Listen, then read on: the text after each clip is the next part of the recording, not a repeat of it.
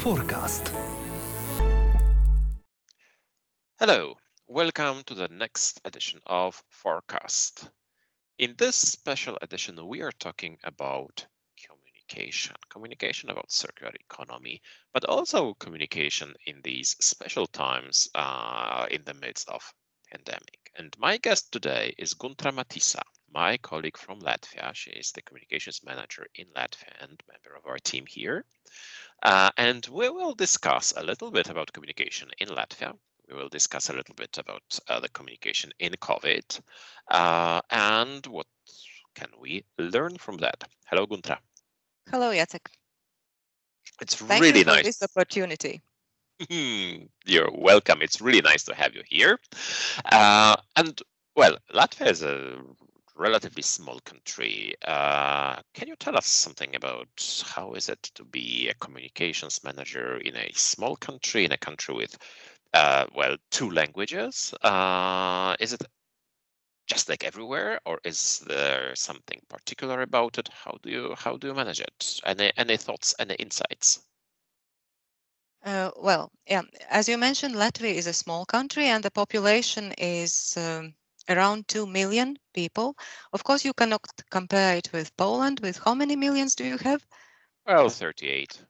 Yeah, so you see, and of course, um, that that makes some difference uh, in the communication in the communication market i would say and especially if we talk about media market so we cannot compare uh, the number of journalists and then the number of papers and online me- media that we have here in latvia and uh, in Poland, you must have several times more. And if we talk about our colleagues in India, then you know it's millions. Yes.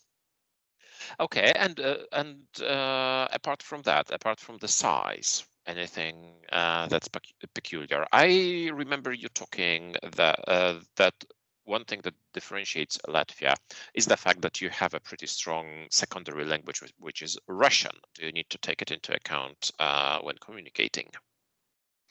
Well, uh, we have Russian. It's uh, we are, it's not a second language, yeah, to make it precise. But of course, there is a large group of people whose native language is Russian, uh, and uh, of course, you need to consider this if you want to target a special audience, special target group, or you want to be sure that your message goes to your customers as you have intended it.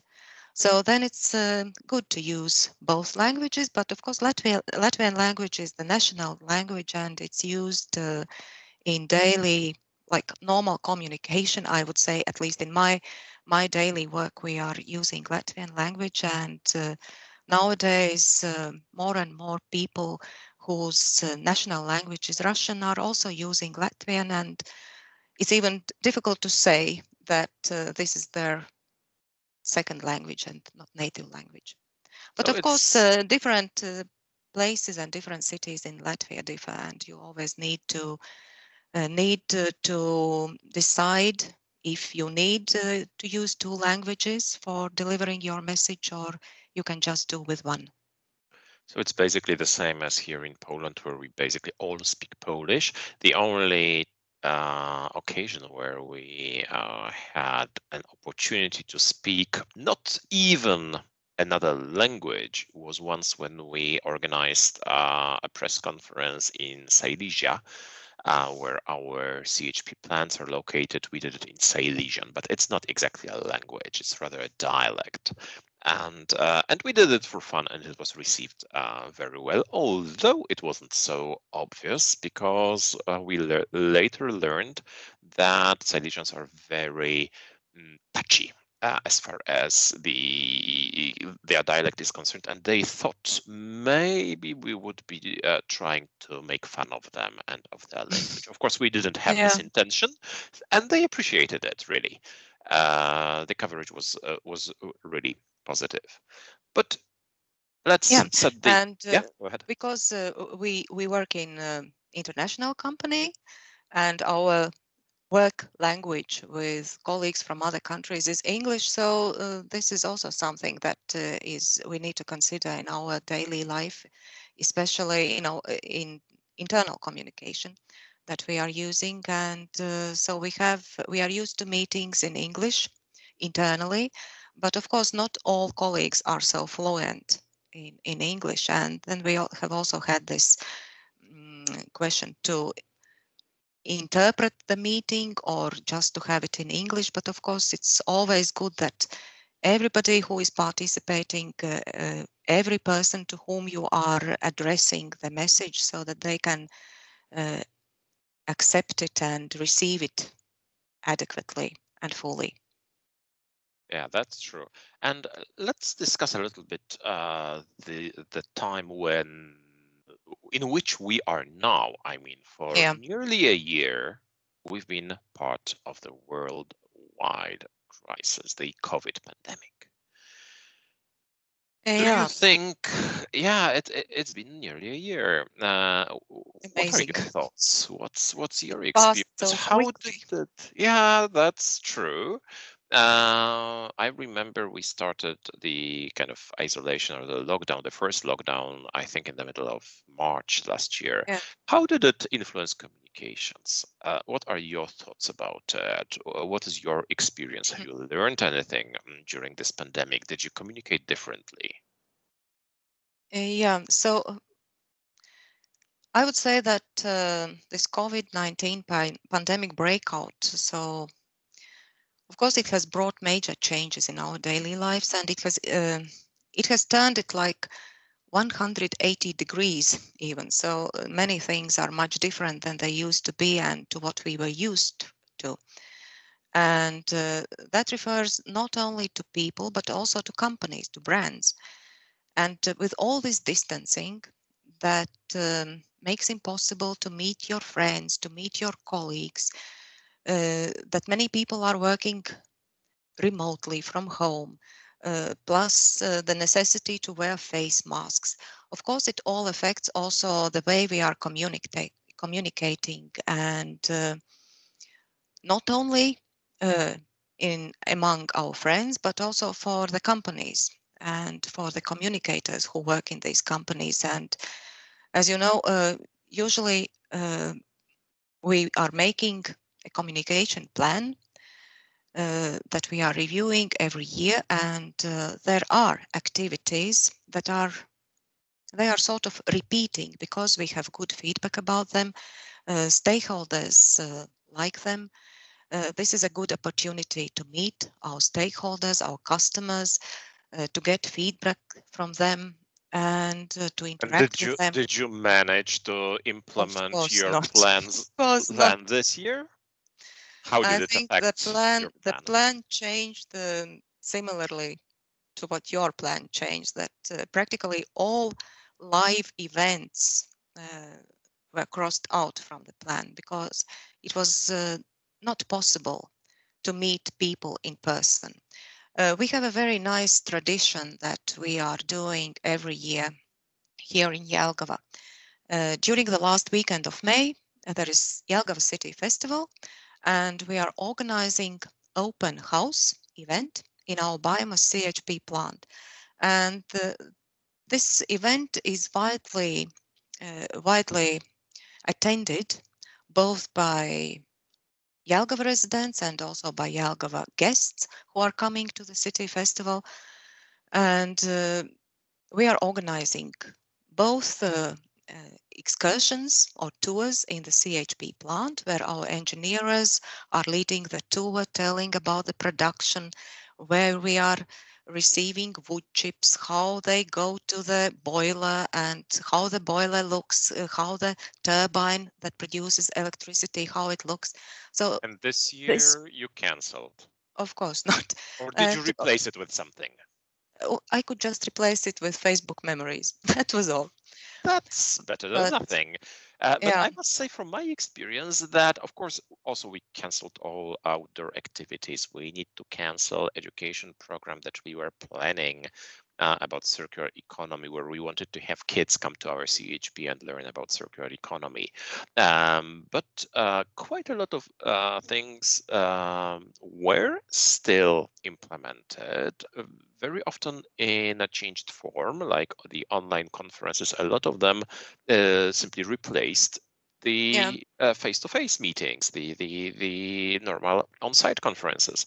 Um, so this, in a way, was possible, and in another way, it was also. Um, I mean, the uh, these challenges were also an opportunity um, because we were planning to have a series of classes about circular mm-hmm. economy for school kids. This was not possible, obviously, but what we when we started thinking how to make it online, we developed a much bigger project and the project which is not limited yeah, uh, to to one city. Uh, because mm-hmm. suddenly, if it's online, anybody can attend it. We haven't launched yeah. it yet. We are planning next month, um, but uh, this was a challenge turned into an opportunity. Did you have similar examples in Latvia?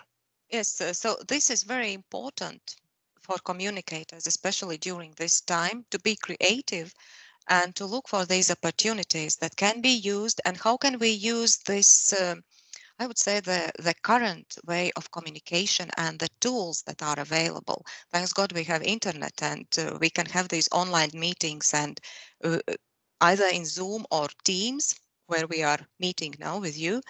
So, uh, and it's important to see these opportunities and to adjust to the situation. And I would say that this COVID time is the time when uh, you can take risks, and it's good to take risks, and you can come out of this. Um, uh, okay, winner maybe is a bit too loud to say, but uh, you can see in the end that uh, you have succeeded and maybe uh, the solution is even better.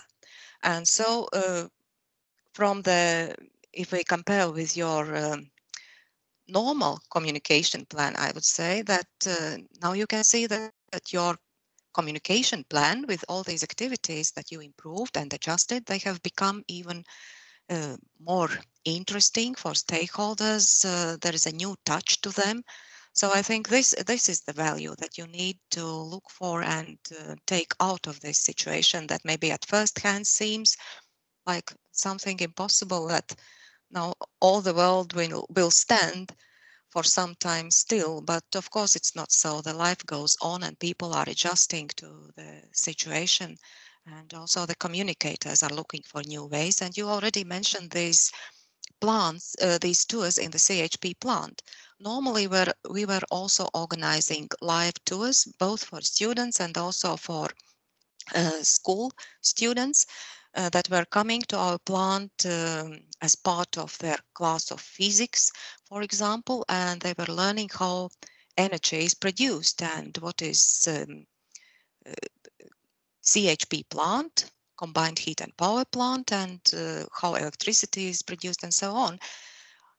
Now, uh, this is not allowed. We cannot uh, take people to our plant due to all safety regulations, but uh, we are also adjusting. And uh, so you are you also have something, working. You have something yes, you are also working. you're planning on it. We are planning. So our colleagues I know in Lithuania, they are they have started already this this work and they have um, made some pre investigation let's say if that is technically possible and now we know that these uh, virtual tours in the plant are possible. So and also in latvia we are working on on uh, the possibility uh, to implement this virtual tour in practice and to offer it uh, to our school students that I see that uh, during the time of this pandemic situation, when our students are still uh, studying remotely, at least, uh, yes, at the moment, all classes, and now they are discussing that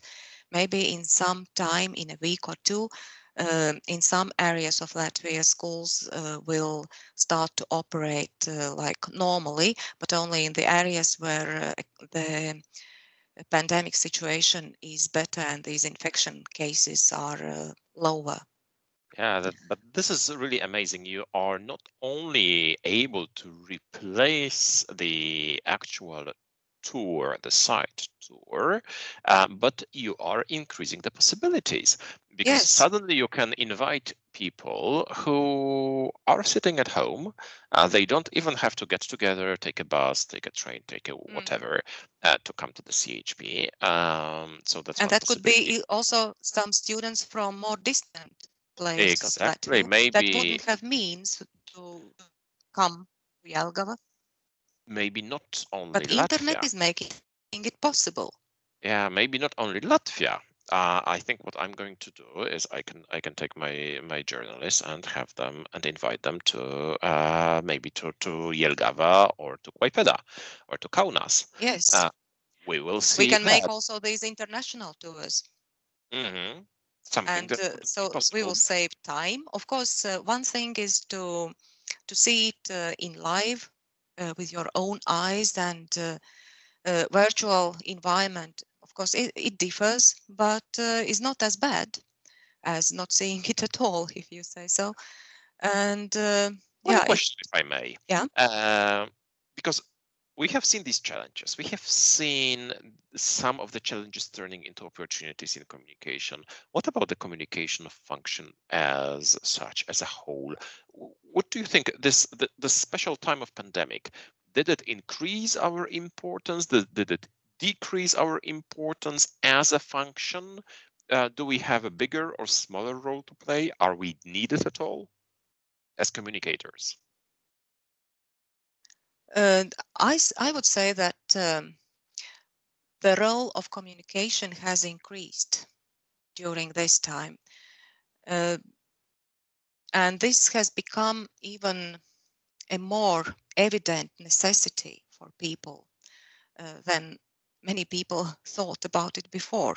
Because now, when uh, you cannot meet on daily basis in your organizations, like for example, we in our office, uh, we are not working in the office um, only if there is something some special cases that you you need to get some files some documents uh, then you go to the office. But normally uh, you are working from home.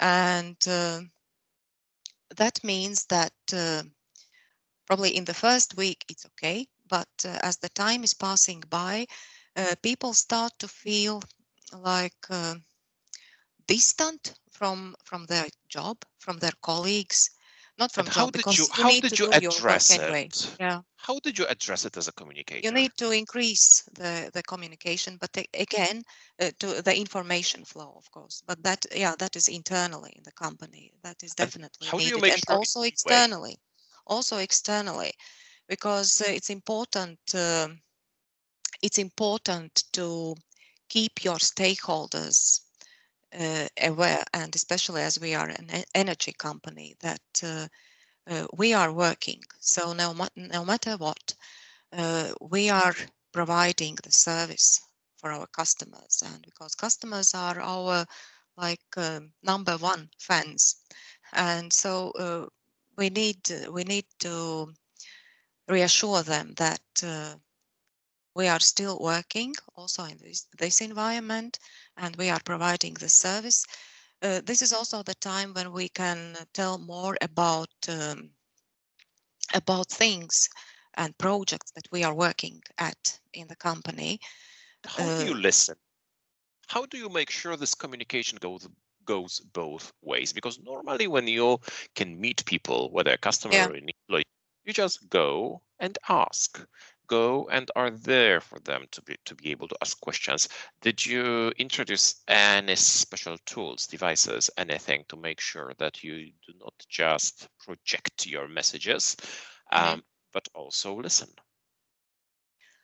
So uh, online media nowadays uh, it provides this possibility, the interaction with uh, your audiences. And uh, what we did, we increased uh, our role in social media.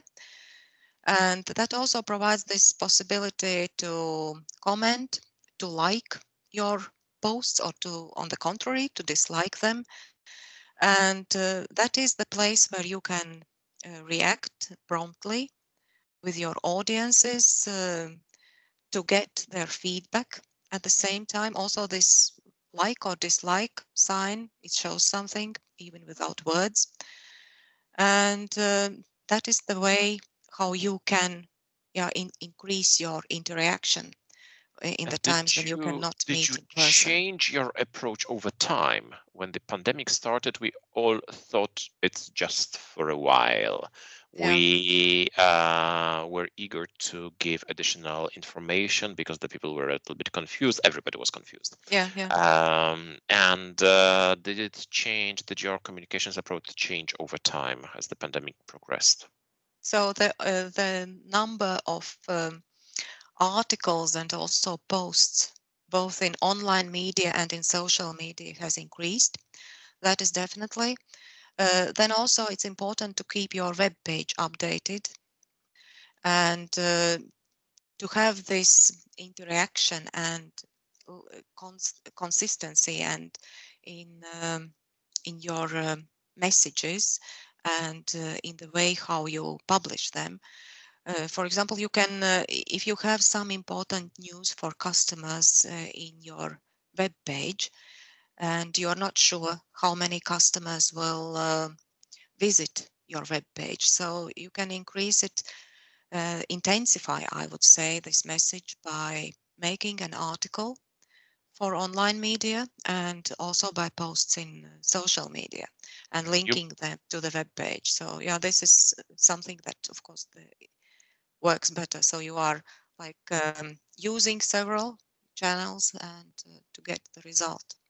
You mentioned cons- consistency of messaging, and I think it's really, really important um, because we have seen throughout the pandemic, we have seen a lack of consistency in many countries, and Mhm. not only on company level, but also on the level of the whole societies. Like when we had absolutely no idea what this pandemic will bring, uh, and the the authorities, the governments also had no idea um, how long it will last, what measures Yeah. will be needed, and some we, we could same see here. some approaches like the approaches differed there were some countries where they just were a little bit more i would say um, holding back. They didn't rush to communicate. They didn't rush to stop everything. And on the other hand there were countries and governments that wanted really to do something. They felt the pressure that something needs to be done that the pandemic needs to be ended quickly. Uh, but of course nobody knew the future. So they were like ordering uh, things uh, enforcing them strictly. People were obeying these things uh, these orders and then Yeah. everything was changing because uh, well we knew more and more uh, and we uh, were adjusting our measures and then after some time people really got confused uh, and it isn't it, i don't know what uh, whether this was the case in latvia but in many countries this was the case that people Yeah. initially willing to obey and to adhere then simply said okay well i don't know why this uh, new order is in place. I don't know why restaurants or hotels are closed and something else isn't closed. So they kind of withdrew. They stopped to cooperate. Do you have any final thoughts as a communicator on that? Yeah. So this, uh, you when you were describing this situation, so so I thought that it's, it's exactly how it is happening also here in Latvia, and unfortunately, yeah, we can see that the communication from um, the government side has been a bit, okay, I will be mild, a bit chaotic, and uh, hopefully the things are improving as uh, also the PR industry and communication experts they have expressed their readiness to to support that. And so that will be more organized uh, as I can see. And uh, well you know that our colleague from Lithuania Andrius he's um, he made a calendar his picnic society calendar that is for PR partners and that's That product I'm- placement. We will charge yes. that. Yes, the- yeah, yeah. But uh, this is something that I, as a communicator, I um, take the calendar, let's say, page every morning as I wake up and I read what is there i have this it's, uh, calendar as well yeah, it's rich with different quotes and um, uh, there was this quote from Simon Adolphe Weil, French philosopher, mystic, and political activist. And so it seemed, his quote seemed um, very much relevant to, I would say, this uh, situation or today's situation with this COVID pandemic, when we are having barriers and we are um, communicating like through these barriers and trying to get through. And so he's saying that two prisoners whose cells adjoin communicate with each other by knocking on the wall. The wall is the thing which separates them, but it is also their means of communication. It is same with us and God. So, okay, uh, we can take the God out here, but every separation is a link. So if we paraphrase this, and uh, it can be adjusted also to now nowadays and this situation where we are now, that we have this separation, but we can use it wisely and get something, some value out of it. I think, thank you for this thought and for this quote. I think it's a very nice and very true quote to close our discussion. Thank you very much, Guntra. My guest was Guntra Matisa, the communications manager at Fortum in Latvia, with whom we've been working together for, well, nine years already. Nine years so, already, yes. Thank you, uh, Jacek. It was nice to be here. And of course, this is a topic that you can talk and talk for hours, I think. But so we need to respect also our audience. That's true. Thank you very much once again. Thank you. Thank you. Forecast.